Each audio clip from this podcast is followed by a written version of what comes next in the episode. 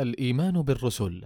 حديثنا اليوم عن الركن الرابع من أركان الإيمان وهو الإيمان بالرسل وذلك بأن نؤمن بأن الله تعالى بعث في كل أمة رسولا منهم يدعوهم إلى عبادة الله وحده لا شريك له واجتناب عبادة الطاغوت وأن الرسل كلهم أتقياء أمناء هداة مهتدون. وأنهم بلغوا جميع ما أرسلهم الله به فلم يكتموا ولم يغيروا ولم يزيدوا فيه من عند أنفسهم حرفا ولم ينقصوه.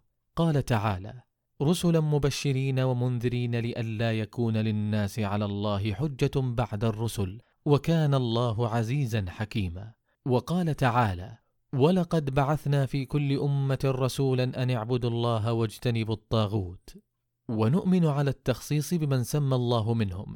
كمحمد وإبراهيم وموسى وعيسى ونوح وغيرهم من الرسل الكرام عليهم الصلاة والسلام. ومن كذب برسالة واحد منهم فقد كفر بالجميع. ولذا قال الله تعالى كذبت قوم نوح المرسلين وقوله كذبت عاد المرسلين. ومعلوم أن كل أمة كذبت برسولها إلا أن التكذيب برسول واحد هو تكذيب بجميع الرسل باعتبار وحدة الدين. ووحدة المرسل عز وجل. وقد ختم الله عز وجل الرسل بنبينا محمد صلى الله عليه وسلم. كما قال تعالى ما كان محمد أبا أحد من رجالكم ولكن رسول الله وخاتم النبيين.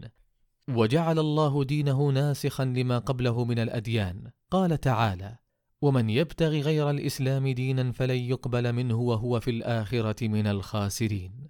وقال صلى الله عليه وسلم والذي نفس محمد بيده لا يسمع بي أحد من هذه الأمة يهودي ولا نصراني ثم يموت ولم يؤمن بالذي أرسلت به إلا كان من أصحاب النار. رواه مسلم. ومن زعم بأن الله يقبل دينا غير شريعة محمد صلى الله عليه وسلم بعد مبعثه فهو كافر لتكذيبه للقرآن والسنة وإجماع علماء المسلمين. نسأل الله تعالى أن يجعلنا ممن آمن بالرسل واقتفى أثرهم واقتدى بهم. نكتفي بهذا القدر ونتحدث في اللقاء القادم بمشيئة الله عن الركن الخامس من أركان الإيمان وهو الإيمان باليوم الآخر.